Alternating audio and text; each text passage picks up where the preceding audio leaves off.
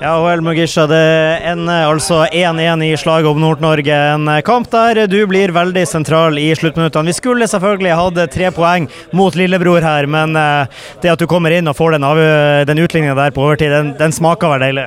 Ja, det gjør det. det gjør det. Smaker skikkelig godt. Du har jo hatt, eh, har jo hatt en del gode innhopp eh, i Glimt, da, men å skåre mot Tromsø og sende Aspmyra til, til himmels, kan du beskrive den følelsen som går gjennom kroppen din når du ser den ballen der går i mål?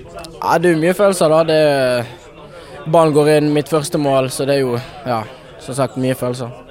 Og det er, altså, Nå har du jo vært i Bodø lenge, så du, du, du har jo fått liksom litt innspill av det rivaleriet mot, uh, mot, Tromsø. Så det, du velger rett motstander å, å score på når du først skal komme inn og sette en utlending på overtid?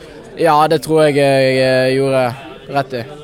Utover eh, det, da. Det er altså 1-1. Eh, kampen oppsummert. da, Føler du at uh, Glimt sitter igjen med litt mindre enn fortjent? Og da tenker jeg spesielt på at Hugo skåra i mål som hele Aspmyra ser like etterpå burde ha stått. Ja, altså det er jo det mål Alle ser det på storskjermen der, så det er jo Ja. Det, det er mål. Men vi har mye å jobbe med. Det er jo vi skal, det er en kamp vi skal vinne, syns jeg. Så det, ja. Avslutningsvis, det er 17. mai i morgen, og uh, Bodø-Glimt kan vel takke deg nå da, for at de, om ikke med hodet heva, i hvert fall kan gå med hodet, hodet rett frem i borgertoget i morgen. Ja, det Ja. Takk for det, vel. Gratulerer med skåring.